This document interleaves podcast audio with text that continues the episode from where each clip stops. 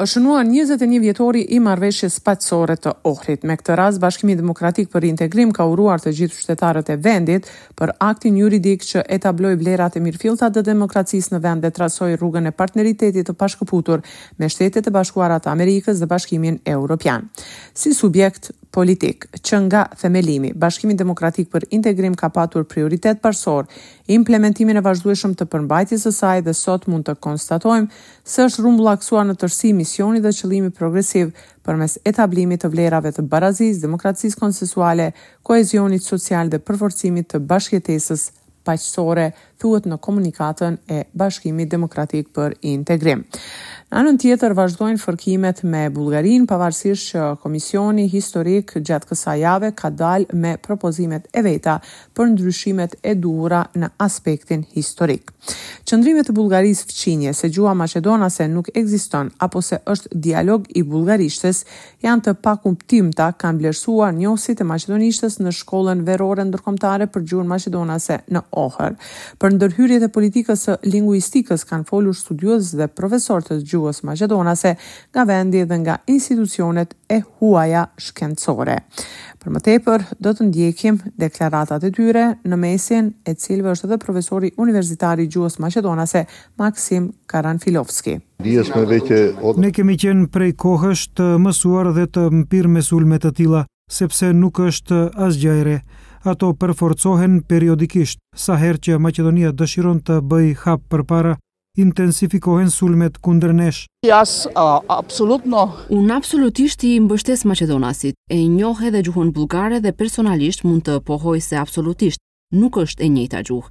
dallon shumë si nga ana gramatikore ashtu edhe nga ana leksikore, dhe nuk e di nga lindi ideja se mund të ishte e njëjta gjuhë. Mendoj se jo, shumë, por absolutisht ka vetëm politikë. Tani ne flasim atë gjuhë, a është ndryshe nga bullgarishtja? Është ndryshe. Kjo nuk do të thotë që ne nuk mund të kuptojmë njëri-tjetrin. Ne kuptohemi edhe me ata që flasin serbisht dhe kroatisht. Gjatë ditës së nesërme do të ketë zgjedhje në disa komuna në Republikën e Maqedonisë së Veriut për të parin e komunës dhe për këshillin komunal.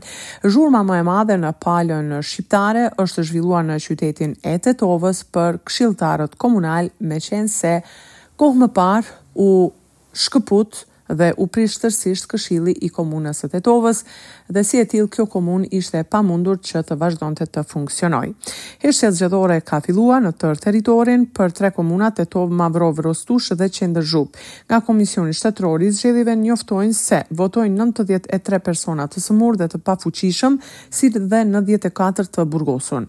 Dita e zgjedhjeve është pikërisht të shtunën. Në Tetovë do të zgjidhet Kuvendi Komunal. Kjo komunë shkon në zgjedhje të parakohshme për këshill të ri, pasi përbërja paraprake e këshillit nuk arriti të votojë në afatin ligjor llogarinë përfundimtare të komunës. Për tridhjetë e një vende këshilltarësh, besimin e kërkojnë katërqind e tre kandidatë nga trembëdhjetë lista kandidatësh. Komisioni Komunal Zgjedhor thotë se është përgatitur për ditën e votimit. Gjithsejtë në kuadër të Komunës së Tetovës të drejtë vote kanë tetëdhjetë e katër mijë e katërqind e gjashtë votues të cilët do të votojnë në njëqind e shtatëmbëdhjetë vendvotime.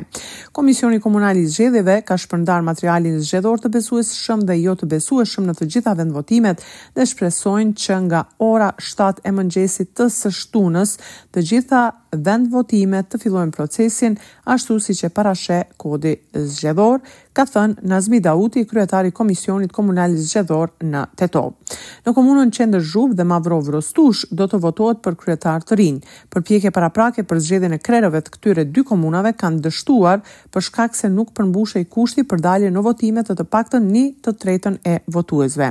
Në Mavrovë-Rostush, në garë janë dy kandidatë, kurse të drejtë vote kanë nëntë mijë e nëntëqind e dyzet e tetë qytetarë, në Qendrën Zhupë, fletëvotimi ka vetëm një kandidat, kurse të drejtë vote kanë shtatë mijë e njëqind e pesëdhjetë e katër qytetarë. Në anën tjetër është bërë mjaft zhurmë gjatë kësaj jave për shefen e prokurorisë për ndjekje të krimit të organizuar dhe korrupsionit Vilma Ruskovska, e cila është shkarkuar nga detyra e saj. Ajo i ka dorëzuar Këshillit të Prokurorëve Publikë ankesë në lidhje me vendimin për pezullimin e saj. Ruskovska deklaron se me këtë ankesë i hedh poshtë pretendimet në vendim. Ajo thotë se nuk ka pyetur se për cilin kallëzim penal ka të bëjë pezullimi, por vlerëson se është për kallëzimin që ka paraqitur kundër drejtorit të Policisë Financiare. Në anën tjetër, kujtojmë se drejtori i Policisë Financiare, Arafat Muaremi, më 8 gusht ka dorëzuar kallëzim penal në Prokurorinë Themelore Publike në Shkup kundër tre prokurorëve kundër tre prokurorëve të Prokurorisë për Ndjekjen e Krimit të Organizuar dhe Korrupsionit lidhur me bastisjen në këtë drejtori. Pas kësaj, Ruskovska dhe dy bashkëpunëtoret e saj prokuroret Elizabeta Josifovska dhe Ivana Trajçeva janë pezulluar nga vendi i punës. Ndërkohë, Muharremi njoftohet se është tërhequr nga funksioni, por në anën tjetër, Qeveria thotë se ai nuk ka dhënë dorëheqje, por i ka kaluar mandati. Sidoqoftë, deklaratën e saj lidhur me dështimin e drejtësisë, siç thotë vetë ajo, e ka dhënë Ruskovska. E ndjekim deklaratën.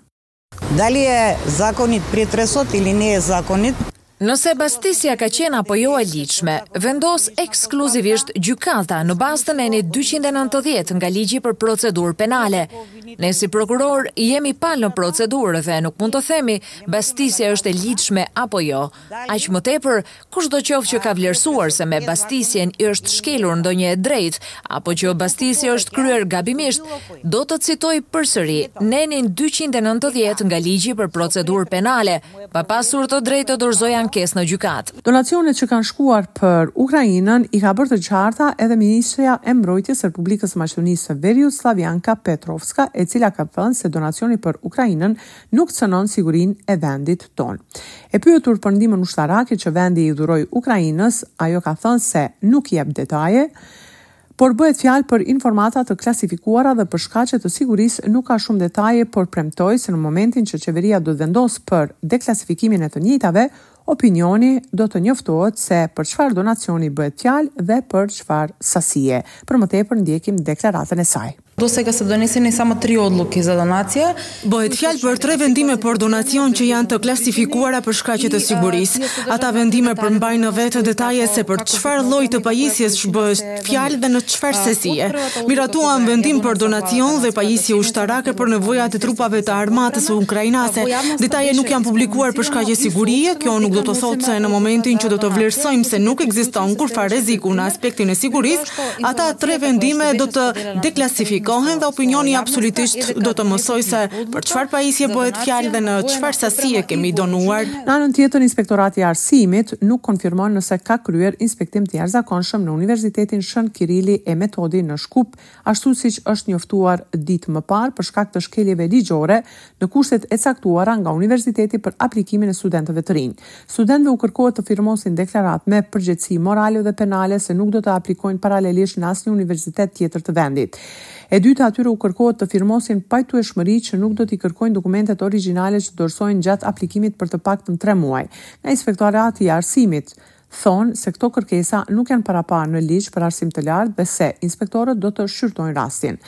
Por, ende nuk ka përgjigje. E ndërkohë nga universiteti janë sqaruar dhe thonë se periudha e pandemisë ka komplikuar radhitjen e studentëve sipas kuotave të duhura për shkak të aplikimit në formë elektronike me dokumente të skanuara.